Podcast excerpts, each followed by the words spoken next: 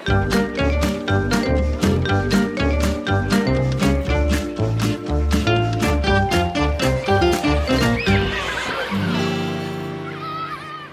kan være en anonym avsender som gjør at grensa for hvordan oppførsel skal være, kan bli vanskelig å se og forstå.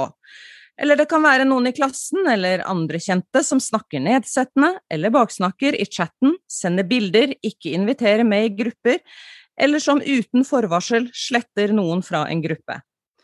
Når forventningene er å være tilgjengelig, kan det være vrient å finne et fristed fra mobbing, utestenging, trakassering på nett og sosiale medier. Men hva kjennetegner digital mobbing, trakassering og såkalt ghosting på nett? Og hva vet vi om hvordan barn og ungdom som rammes, har det og får det?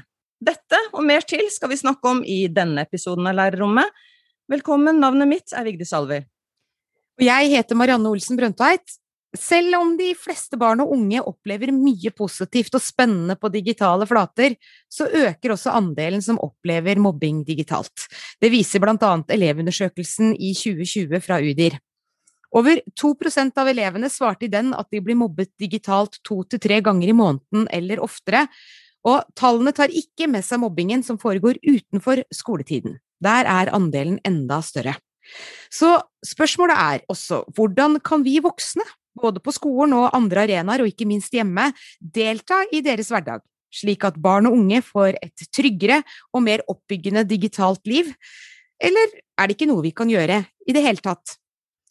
Og med oss inn hit så har vi to gjester med innsikt i medier, det digitale livet som leves der, og hvordan det oppleves å ikke ha det bra der. Og en av dem er deg, professor og medieforsker Elisabeth Staksrud ved Universitetet i Oslo. Velkommen. Takk. Og så er vi glad for at vi har med oss deg, Hans Lieng. Du er mobbeombud i Trøndelag og har en bakgrunn også som lærer. Hallo, ja. Og Staksrud, for å gi et lite bilde på den digitale hverdagen, som ikke alltid er så hyggelig for barn og unge, da.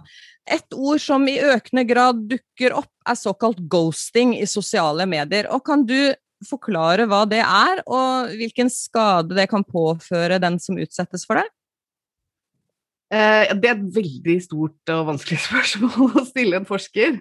Særlig det der med å måle skade. Men det å bli ghosta er jo det å eh, ikke bli sett. Ikke det å, å, å, bli som et spøkelse, å vandre rundt i et sted hvor du føler at du har en del å gjøre, at du er en naturlig del av et sosialt fellesskap, men allikevel så er det ingen som ser deg, eller ingen som reagerer på deg. Og den følelsen av eh, isolasjon. Eh, vi kaller det innenfor forskninga, vi forsker på det internasjonalt, det kalles ostracism. Det er ikke et mål på det. Så ser vi at det er en av de faktorene som oftest leder til skade på offeret. Nettopp fordi å ikke bli sett som individ er så veldig sentralt. Det gjelder oss alle sammen. Jeg mener, voksne klager om det på Tinder eller på, på andre sosiale medier. For barn også så gjelder det, og det gjelder det digitale. Det er kjempealvorlig. Eh, men veldig veldig vanskelig for oss å forstå, fordi vi jo eh, kanskje ikke helt opplever det på samme måte. Mm. Kan du gå litt mer i dybden? Hvordan, hvordan, et eksempel på hvordan man kan oppleve det? Altså, det, det, er mange eksempler, og her vil det variere litt fra alder. Men alt fra det at man eh, har et godt sosialt fellesskap i klassen, læreren er veldig opptatt av det normative, her, her er vi alle venner, og det fungerer godt. Men etter skolen så opprettes det en gruppe på et sosialt nettverk, man har en Snapchat-konto for folk i klassen, men ikke alle blir invitert inn. Så det er noe som er sånn Dette er for vår gruppe, men du er egentlig ikke en del av vår gruppe. Mm. Og da blir det vanskelig. Ja, For dette er jo utestengning. Og, og, hva vet vi ellers om hvordan digital mobbing og utestengning kan arte seg i sosiale medier og på nett? Altså, det er mange, mange ulike måter, men kanskje det som er lettest, er å tenke på det vi er, vi er, veldig vant til, særlig innenfor skoleverket, så tenker vi ofte på eh, den tradisjonelle mobbingen. Den skjønner vi hvordan foregår, og vi har lært om det, og vi vet at det er å slå eller utestengning, eller det kan være stygge blikk, eller det kan være å si noe. På nettet så har du et ekstra lag. Både det at du aldri kan slippe unna, du er alltid tilgjengelig. Det er ikke noe alternativ å ikke være på nettet, ikke ha mobiltelefon for barn og unge i dag. Det blir, gjør det nesten enda verre. Men så har du også det at, du, at det er så sosialt synlig. Alle kan se det. Ikke bare den nærmeste gjengen, de som står der i eh, skolegården akkurat der og da, men absolutt alle. Og det blir ekstremt synlig om at det er ingen som liker deg Du er ikke med i den gruppa. Og det gjør at det blir et ekstra lag. Og så vet vi også at mobbingen på nettet kan skje anonymt. Og vi har mye internasjonal forskning som viser at der hvor mobberen, eller der hvor du ikke vet hvem det er da, som mobber deg, der er ofte skadevirkningene større for offeret. Mm. Og så må jeg også si at her, og som forsker så må jeg også si at her er det viktig også å huske på de som blir utpekt som mobbere, og som de som gjør det. For det er en veldig, veldig stor sammenheng. Ofte så har man sammenblandende roller, og det er et eneste stort kaos. Og, og eh, det er ofte tilfeldig hvem det er som blir utpekt som den som er den slemme, og den som er den snille. Mm. Og det er viktig å huske på. Mm. Du har jo vært eh, inne på det, noe av det du har sagt nå, men er det flere forskjeller på mobbing og mobbemetode på nett og i sosiale medier enn i det fysiske liv? Ja, nå spør du veldig eh, bredt og vanskelig, fordi det er jo individuelle erfaringer. Men altså, noe av det jeg kan trekke opp, er jo at vi ser at den ofte blir veldig seksualisert. Vi ser at den henger sammen med andre typer risiko, sånn at ofte så vil vi se at den som er i en mobbesituasjon, også har erfaringer og negative erfaringer fra andre typer nettrisiko. Trakassering, hatmeldinger, uønsket seksuell oppmerksomhet. Det, det henger mye sammen her. Så mye sårbarhet. Det henger sammen med, med, hvor trygg man føler seg på nettet.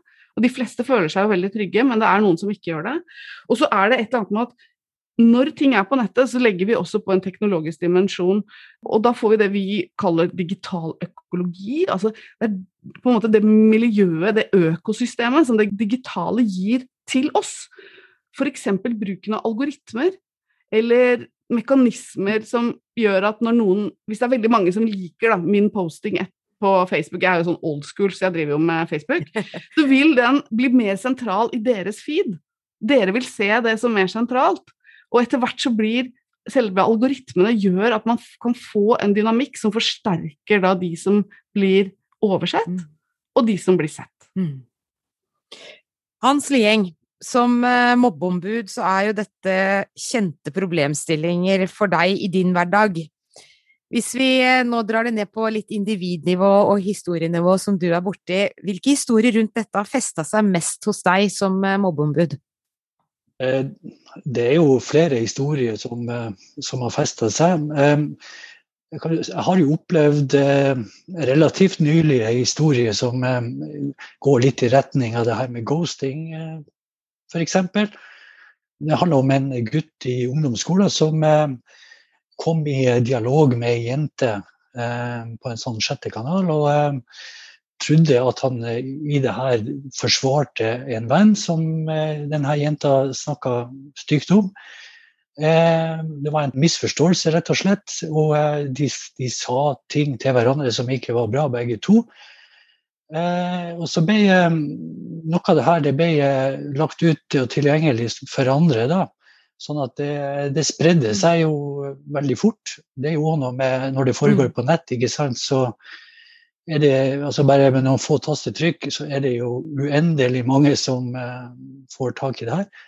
Og um, alle, altså Resultatet var jo at um, den gutten som um, egentlig trodde at han gjorde noe uh, ja, i sitt hode bra her, han ble utestengt av alle sammen. Og um, det gikk så langt at til og med foreldre begynte å, å anbefale sine barn å ikke ha kontakt med denne gutten. Og, uh, og så oppi det her også, så så er det jo det med hvem skal man spørre om hjelp? ikke sant? Han, han, eh, han tok det opp med mor si, og eh, det var sånn jeg fikk høre historier. da, Og har prøvd å bidra med å hjelpe mor her med å finne løsninger. Men han, han, han, ønsker jo heller ikke at det skal gjøres noe med det, fordi han er så veldig redd for at det blir bare verre.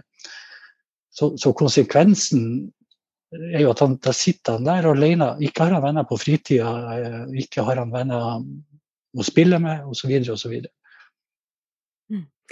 Du, sier jo, eller du har jo sagt tidligere også at uh, dette er jo opplevelser, ikke akkurat nettopp bare sånne historier, men også lignende historier er jo opplevelser som, som, som du hører mye om i, i, ditt arbeid. Men hvilke opplevelser er det som er mest typiske og gjentakende for de barna og foreldrene som søker hjelp og støtte fra deg?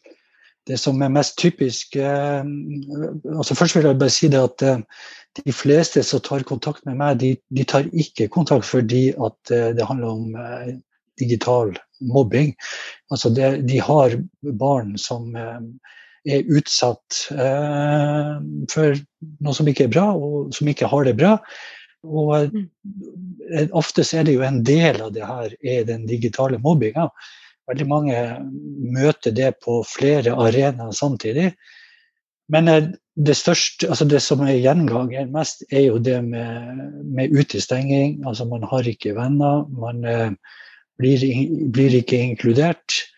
Det ja, jeg har også møtt det, det eksempelet som du var inne litt på i sted, der man oppretter nye grupper i klasser ikke sant, og ikke tar med den, den ene mm. eleven som eh, flere har vendt seg mot. Ja, for nå arbeider jo du mye mot skole og ansatte der også. Du har også da, som vi nevnte innledningsvis, altså bakgrunn som lærer. Men hvilke dilemmaer oppstår da ved at mange av opplevelsene skjer utenfor skolens tid, sånn som du nevnte her nå, at, men at konsekvensene dukker opp i klasserommet og i skolegården? Ja, det er, jo, det er jo ikke noe legge skjul på at eh, det fort kan bli en diskusjon om eh, hva er foreldres ansvar og hva er eh, lærere sitt ansvar her. Til det så vil jeg si at vi må jo anerkjenne at det digitale livet til elevene er utrolig viktig for dem. Altså det er en del av deres hverdag, på godt og vondt. Og de er tilgjengelig 24 timer i døgnet.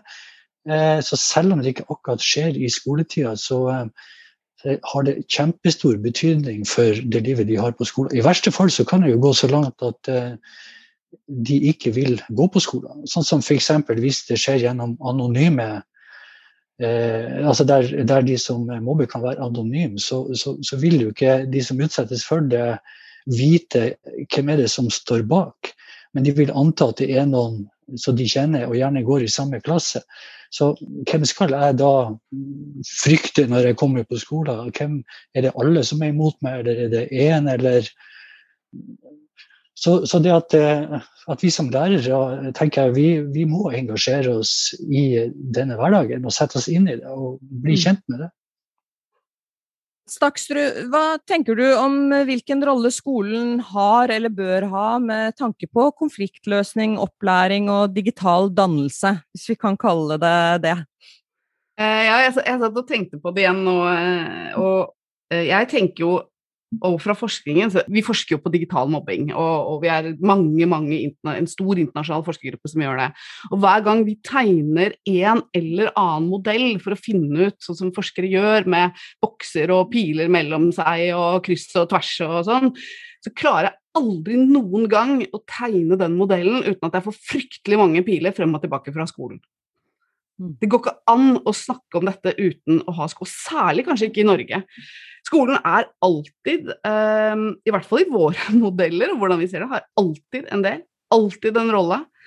Eh, alltid et ansvar. Og skolen er jo også det stedet hvor disse sosiale fellesskapene, som er utgangspunktet for den digitale mobbingen, oppstår, særlig blant de yngste. Det er først og fremst barn i samme klasse, barn i parallellklassen, barn på samme skole, forhold til naboskolen som er involvert. Og den sosiale konstellasjonen den er noe som er tvunget på dem, på godt og vondt. De, de, har ikke noe valg, det er den de skal være i. Og da vi, eh, må vi jo sørge for å være med og ha et ansvar for at den fungerer optimalt. Ikke bare som en, en, eh, en slags eh, Hvis dere har sett den filmen 'Stepford Wives', hvor alle går og smiler veldig sånn der, eh, fint, men falskt på skolen, og så er det grusomt liksom på baksiden. Eh, det er det vi må sørge for ikke skjer. Ikke det kan ikke være sånn at så lenge det ser pent, pent, ut på overflaten på skolen, så er det greit hva som skjer hjemme. For det er de samme elevene. Og vi vet jo også at når det gjelder så Hvem skal man be om hjelp? Og Det er et kjempespørsmål både for barn og for foreldre. Men vi vet jo det at foreldrene primært sier at det er skolen. Skolen må hjelpe meg. Jeg trenger informasjon via skolen, helst fra myndighetene, men jeg trenger det via skolen. Og det er de som må på en måte hjelpe oss her, for dette blir for voldsomt. Så et langt uh, uh, svar. Jeg kunne gjort det lenger, men det korte svaret er uh, ja, de har en kjempestor rolle. Men hvis du klarer å ta et bitte lite råd på hva skolen først skal gjøre, eller læreren først skal gjøre for å pirke litt borti dette her? Altså det, det er, et råd er vanskelig, men det viktigste kanskje er det er to ting. Det ene er å skape et godt normativt miljø og et godt miljø på skolen. Eh, statistikken viser jo at der hvor, er, hvor, elevene føler seg trygge på skolen, og det er et veldig godt normativt miljø, så er det veldig få som er involvert også i digital mobbing. Så dess bedre man gjør det på skolen, og dess mer genuint man gjør det, og sørger for at absolutt alle er inkludert, og at det fungerer godt sosialt, og, og i det så ligger det gode metoder for konflikthåndtering. Ofte så er det jo ting som går galt. Det er misforståelser som eskalerer til store mobbesituasjoner, og så får de ikke stoppet det før det har tatt helt av. Hvis de vet f.eks. hvordan de skal løse konflikter, på, på, et veldig lavt nivå, hvem de skal be om hjelp, da er mye gjort. Og så Den andre tingen er at lærerne må, tenker jeg, og det er litt sånn skummelt å si må, fordi det er jo ikke jeg som bestemmer, men min store forskningsbaserte anbefaling er å være engasjert og positiv og nysgjerrig på barn og unges generelle teknologibruk. For vi ser igjen og igjen siste 15 års forskning er at mm. barn og unge opplever at skolen og utdannere kanskje spesielt er veldig skeptiske til ny teknologi. Vi snakker om det som et problem og en bekymring. Dere bruker for mye tid på internett, dere bruker for mye tid på mobilen. Må du ha den mobilen? Og du fikk en stor, stygg melding. Ja, men kan du ikke bare legge den vekk, da, for nå, du, nå skal du spise middag, eller nå er vi i timen. Og da mm. tenker man at hvis noe skjer, så er i hvert fall ikke den læreren eller den rektor eller den helsesykepleieren relevant å gå til og da har vi tapt. Ja, for vi er jo hjemme òg, og vi voksne som er der, vi kan jo også sende ut bilder av oss selv med noen utvalgte venner i lystig lag eller på en morsom tur, og barn og ungdom de legger ut morsomme opplevelser med venner der eh, langt fra alle er invitert med. Og hvordan skal de kunne forstå at dette er en form for utestengning, hvis de voksne også gjør det? Ja, det er jo eksempelets makt, da. Mm. Mm. Men de som opplever dette, de kan jo bli møtt med svar fra jevnaldrende, da, som at eh, alle kan ikke alltid være med. Så hvor tenker du Staksrud, at eh, grensa går for dette, når de samtidig forteller alle i verden i en story eller i en post om alt det morsomme de har gjort? Ja, altså jeg når vi, har, når vi, har, forsket på dette lenge, og en av de tingene som jeg eh, på en måte har lurt litt på, da, er om sånne ting som bursdager mm. og vennegrupper og hvem man skal være sammen med på fritiden, i hvert fall i begynnelsen, er om det er for alvorlige spørsmål til å overlates til foreldrene. Og i hvert fall til barna selv.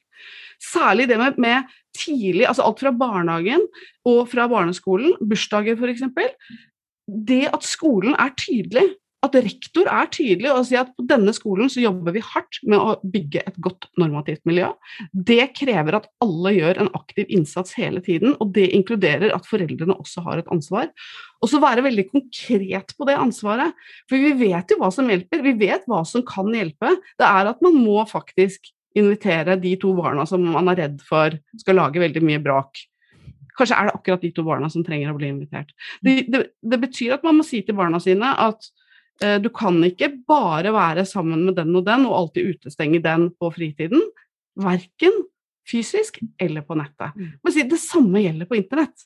Mm. Dette er generelle regler for oppførsel, det er ikke noe annerledes på internett. Og for de fleste barn og unge så er dette helt uproblematisk, mens for voksne så er dette ofte et sjokk og revolusjonerende at internett eh, faktisk er egentlig ganske likt som resten av verden når det gjelder sosiale relasjoner. Hans Lien, du ville si noe? Jeg har bare lyst til å skyte inn at eh, akkurat det, her at eh, vi eh, Jeg tror vi gjør oss kanskje en liten bjørnetjeneste med å, tenke at internett er så veldig mye annerledes enn livet ellers. Da. Jeg, tror, jeg har veldig tro på det at, det at man jobber med det sosiale fellesskapet kontinuerlig, og jobber med vennskap og hva det betyr, empati, hvordan de kan oppleves i ulike sammenhenger. Og også inkludere at eh, de samme følelsene gjelder eh, på, nettet. Altså det man opplever der, det, det, det utløser det samme. Så, eh, så, så, tror jeg det også kanskje vil være lettere for lærere å tenke at det her er faktisk Det er jo det her vi holder på med i det daglige. At vi må bare prøve å se det også i sammenheng med det som foregår på nett.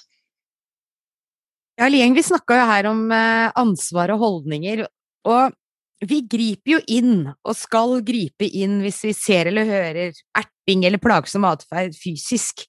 Men hvordan opplever foreldre og lærere at denne involveringen eller intervensjonen, hvis vi kan bruke det det, kan skje når atferden foregår på skjerm?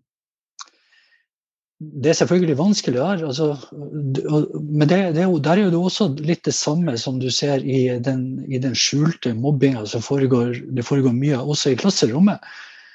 Eh, ofte når jeg kommer inn og skal prøve å finne ut hva det dreier seg om i en sak, så, så har jo foreldre og, og, lærere gjerne et helt forskjellig syn på hva det her dreier seg om, og hvor alvorlig det er osv altså det, Den mobbinga som foregår, den foregår i det skjulte. De klarer ikke å, å, fange det opp.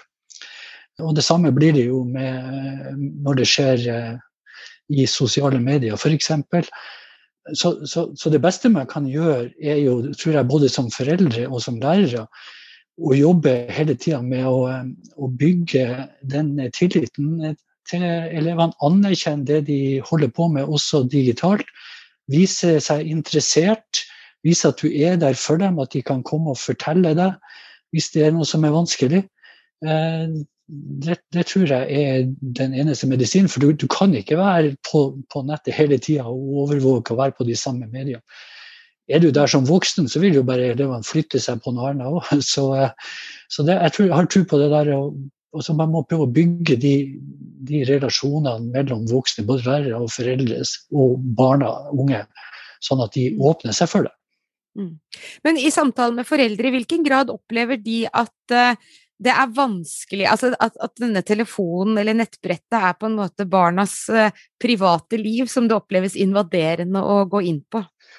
Ja, der, eh, der kan det jo være det kan jo være store diskusjoner på foreldremøter f.eks. For når de er ganske små. Altså hvor tidlig skal de få lov å, å begynne å spille? Skal de ha mobiltelefon med seg overalt osv. Altså, der er jo foreldre gjerne veldig uenige.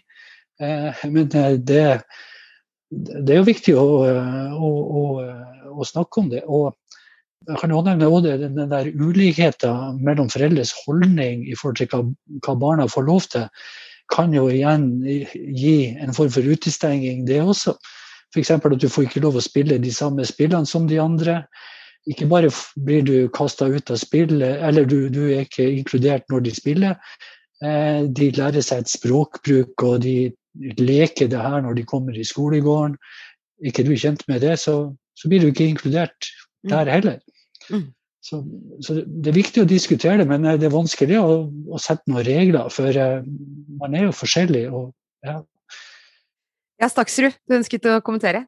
Ja, jeg tenker vi har eh, sammen med min kollega eh, Eire Elvestad så har vi gjort et prosjekt hvor vi intervjuet foreldre om, eh, og, og sett også på statistikken på foreldre i Norge, hva de tenker om barnas bruk. Og vi ser jo det at foreldre er generelt veldig, veldig bekymra i utgangspunktet. Så en av de altså de største bekymringene eh, Jeg tror det er 73% ja, totalt av norske foreldre som har barn i 9-16-årsalderen, sier at de bekymrer seg mye for den tiden barna bruker på eh, enten internett eller, eller, mobil eller dataspill eller, eller, alle tingene. Så det er en ekstremt En av de aller største bekymringene foreldre har, og kanskje er litt av utfordringen er å svare ut den bekymringen, for det er en generalisert bekymring. Vi er bekymret for tid. Vi vet ikke, vi er bekymret fordi at vi er litt usikre på hva er dette, hva er effektene, vi er ikke vokst opp med det selv. Det er litt sånn som at eh, foreldrene mine var kjempebekymret for at jeg skulle bli en massemorder fordi at det var én i bygda som hadde fått video. Men, men, så går det stort sett greit, da. Vi introduserer og, og jeg tror at det å jobbe med den bekymringen og tenke er jeg Reagerer jeg nå på bekymring, eller reagerer jeg fordi at det faktisk er et problem for mitt barn? Og det å kjenne, For barn er veldig forskjellige, ungdom er forskjellige. Og vi ser igjen det som ble nevnt her i forskningen, f.eks. For hvordan barn føler seg utestengt, ikke nødvendigvis av barna i gruppa, men av de andre barnas foreldre. Folk vil ikke være med dem hjem fordi foreldrene har sagt at du får ikke bli med den hjem fordi at de gjør sånn og sånn, eller, eller de har ikke kontroll på mobilbruken sin, eller hva det måtte være. Eller at man ikke blir invitert til noen andre fordi man ikke får lov til å spille det og det spillet. Og da mm. tenker jeg at man må Noen ganger så er det selvfølgelig veldig gode grunner for at man sier nei. Andre ganger så sier man nei fordi man er bekymra. Og da må man kanskje jobbe er Skal jeg være mer bekymra for at barnet mitt blir utestengt, eller for at det spiller det spillet som jeg syns ser litt skummelt ut, men som kanskje egentlig er det samme som å leke cowboy-indianer. Og, og, og, det der å jobbe med det er veldig viktig. Og så er det et eller annet med at barn og unge forstår klare beskjeder. Så det å være veldig konkret hjelper ofte. Ikke disse generaliserte sånn 'oppfør deg ordentlig'. Det har aldri fungert. Hva er ordentlig, liksom? Ordentlig er veldig relativt.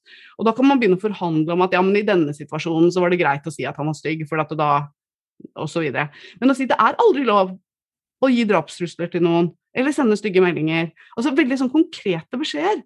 Det vil hjelpe. Mm. Og så må jeg bare si at norske foreldre er jo også Vi er jo veldig opptatt av at barna våre skal være selvstendige.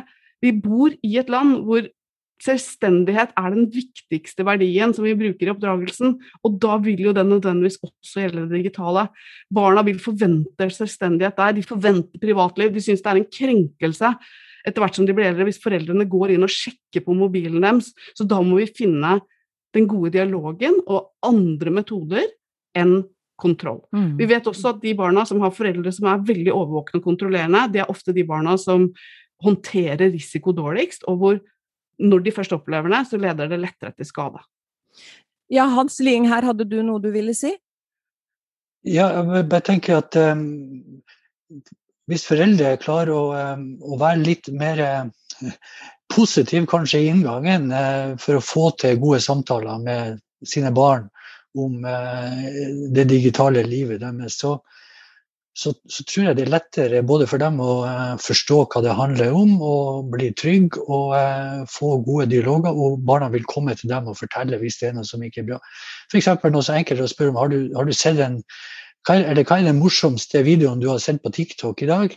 Så, ja, så vil de kanskje vise fram det. Altså, de liker jo å vise fram og er stolte av det de holder på med og det som er deres. Så, så um, ja, vi må, vi, må, vi må, snakke om det som kan være farlig, og det som kan møte dem der. Men eh, vi, jeg tror vi må vri det litt andre veien òg, for å komme inn på det her.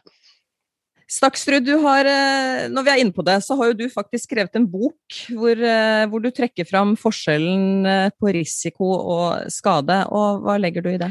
Ja, og det er viktig. Og jeg brenner altså nå, nå, må dere bare stoppe meg, for dette kan jeg liksom snakkes i dag, dagevis om. Men veldig ofte når vi snakker om ting som er farlig, eller ting som vi er bekymret for, eller som kan være skadelig, så snakker vi om risiko. Og risiko er jo ikke noe som har skjedd. Risiko er et potensial for skade, men det er også et potensial for at man håndterer noe, at man kan lære noe av det, at man får vekst, at man utvikler motstandskraft, eller resiliens, som vi ofte bruker i forskningen. Og risiko er utrolig viktig. Det å håndtere ulike former for risiko er viktig for at man skal utvikle seg som menneske. Både for barn, men også for voksne. Det er ikke sånn at alle barn som opplever at andre er slemme med dem på internett, at det blir et problem. For mange så kan du si 'jeg har opplevd dette, men jeg hadde gode verktøy'. Jeg visste hva jeg skulle gjøre, jeg har gode venner, jeg har et godt miljø rundt meg, dette klarte jeg helt fint å håndtere, dette gikk jeg videre fra, og så blir det ikke noe som blir liggende ved. Og det er det der å finne ut hvilke faktorer er det som gjør at man, når det først skjer noe, hvis vi ikke klarer å forebygge Det vil alltid være noen som har det vondt inni seg og ønsker å plage andre og få ut det, eller det kan være misforståelser, det kan være andre ting hvordan kan vi finne ut hvilke faktorer som barna kan ha og ungdommene kan ha, som gjør at de kan håndtere dette da når det faktisk skjer, uten at det blir et kjempeproblem? Uten at de kanskje sender tilbake en, en stygg melding som eskalerer, og som gjør at de plutselig er de som står og også er mobbere, eller Og der ser vi Det er mange ting, det ligger jo i individet selv, det ligger eh, også andre steder. Men det vi ser i forskningen, og nå kommer vi veldig snart eh, Eh, vi kommer med mye ny forskning, men, men, vi har også en ny rapport som sier om at særlig så er det miljøet på skolen, hvor trygg man føler seg på skolen, hvor trygg man føler seg hjemme, hvorvidt man har et godt vennemiljø, hvor trygg man føler seg der man bor, Det avgjør digital mobbing. Og ingenting av det har noe med det digitale å gjøre. Det har bare med faktorer utenfor det digitale å gjøre. Mm. Det finnes jo allerede forskning, eh, bl.a. EU Kids Online, som du også er en del av. og Den ser jo på norske barn og unges hverdag i et internasjonalt eh, perspektiv. Og hva vet vi allerede nå om atferden til norske barn og ungdom på nettet sammenlignet med andre land? det, stiller veldig gode, men, men, veldig vanskelige spørsmål å svare. Kanskje. Ja, du får ta ingressen, for å si det sant. Highlights. Ja, highlights. Highlightsene er jo ok, veldig sånn kort highlights. Kan vi si at norske barn og unge er eh, oppdras av foreldre som i utgangspunktet bruker det vi kaller aktiv foreldremediering, dvs. Si at de snakker med barna sine barna blir mer selvstendige. Norske barn og unge er også de barna ut ifra våre tall og de landene vi undersøker, som føler seg tryggest på internett. Det er faktisk flere barn som sier at de føler seg alltid eller som regel trygge på internett, enn som sier at de føler det samme på skolen og hjemme. Så internett primært for de fleste norske barn er et trygt sted. Norske barn er også de som bruker internett mest i forhold til tid, men de er også de som har det best. Så har vi noen utfordringer. En av de er mobbing, og uh, vi har også noen utfordringer med risiko som er veldig alvorlig, sånn som bruk av selvskadingssider, pro selvmordssider og pro slankesider. Men vi ser at de er veldig sterkt korrelert med nettopp det å ha uh, erfaringer med mobbing. Både som en som har trakassert eller mobbet andre, og som har mobbet selv. Og vi ser at det er et stort overlapp mellom de rollene. Og så kan jeg til slutt si at Norge når det gjelder mobbetall, så var Norge veldig høyt forrige gang vi gjorde en stor internasjonal undersøkelse i 2010. Nå ligger vi sånn på midten, eller litt under midten, i forhold til resten av Europa. Hvorvidt det betyr at de andre barna blir mobba mer, eller om vi har klart å temme det, det er litt sånn eh, Ja, vi ligger i, i men, men, vi i hvert fall så, eh, så er vi ikke verst i Europa lenger, det er veldig bra. Eh, og så kan jeg si at de som oftest melder om det, sånn som vi måler skade, det er jentene og så er det de yngste barna. Mm. Og da kan man jo tenke seg at kanskje trenger man noen ganger en litt differensiert tilnærming. At kanskje skal man snakke litt annerledes med eh, de som sier det gikk greit, enn de som faktisk opplever det som et problem, og at det er forskjell på niåringer og på 17-åringer. Mm. Lieng, du ønsket å kommentere? Det er vel en eh, tendens i eh, elevundersøkelsen, den siste, at, eh, at, det er stadig yngre som opplever mobbing. Spesielt mener jeg femte trinn, at det er ganske mange som har svart at, at de opplever det der. Og det, det er klart, det handler jo, med, handler jo, om at de blir stadig yngre, de som begynner å bruke digitale medier. Men vi har jo også hatt en spesiell periode nå der mye av livet har, har vært digitalt. da Altså mm. bare det at man bruker f.eks. ulike chattekanaler og sånn for å snakke sammen og møtes digitalt i skolesammenheng, gir jo også en, en ekstra mulighet. Um, så, så, jeg tenker at det her det, det tilsier jo at vi, vi, må starte veldig tidlig med å um, snakke om, om, det her. Og, og, det, og, En sånn liten kjepphest jeg har, det er jo det at vi som voksne vi må prøve å ta altså, det, er vi som skal være forbildene, det vi som skal være rollemodellene, og ikke de som eh, kan utsette barn og unge for farer der ute. Eller lære dem et språk på YouTube som ikke er så bra, og sånne ting. ikke sant? Så, eh, så vi må komme inn og ta litt mer styring, tenker jeg, for å være deres forbilder og rollemodeller framover. Og med de ordene så sier vi takk til Elisabeth eh, Staksrud og Hans eh, Lieng for at dere ville være gjester i denne episoden. Og vil du høre mer om livet med sosiale medier, så få med deg også episode 48. Der møter du også Staksrud som eh, en av gjestene. Tusen takk til alle dere lyttere som følger oss. Det blir stadig flere av dere, og det roper jo vi hurra for. Vi i lærerrommet er tilbake om ikke lenge. Vi høres. Ha det bra. Ha det.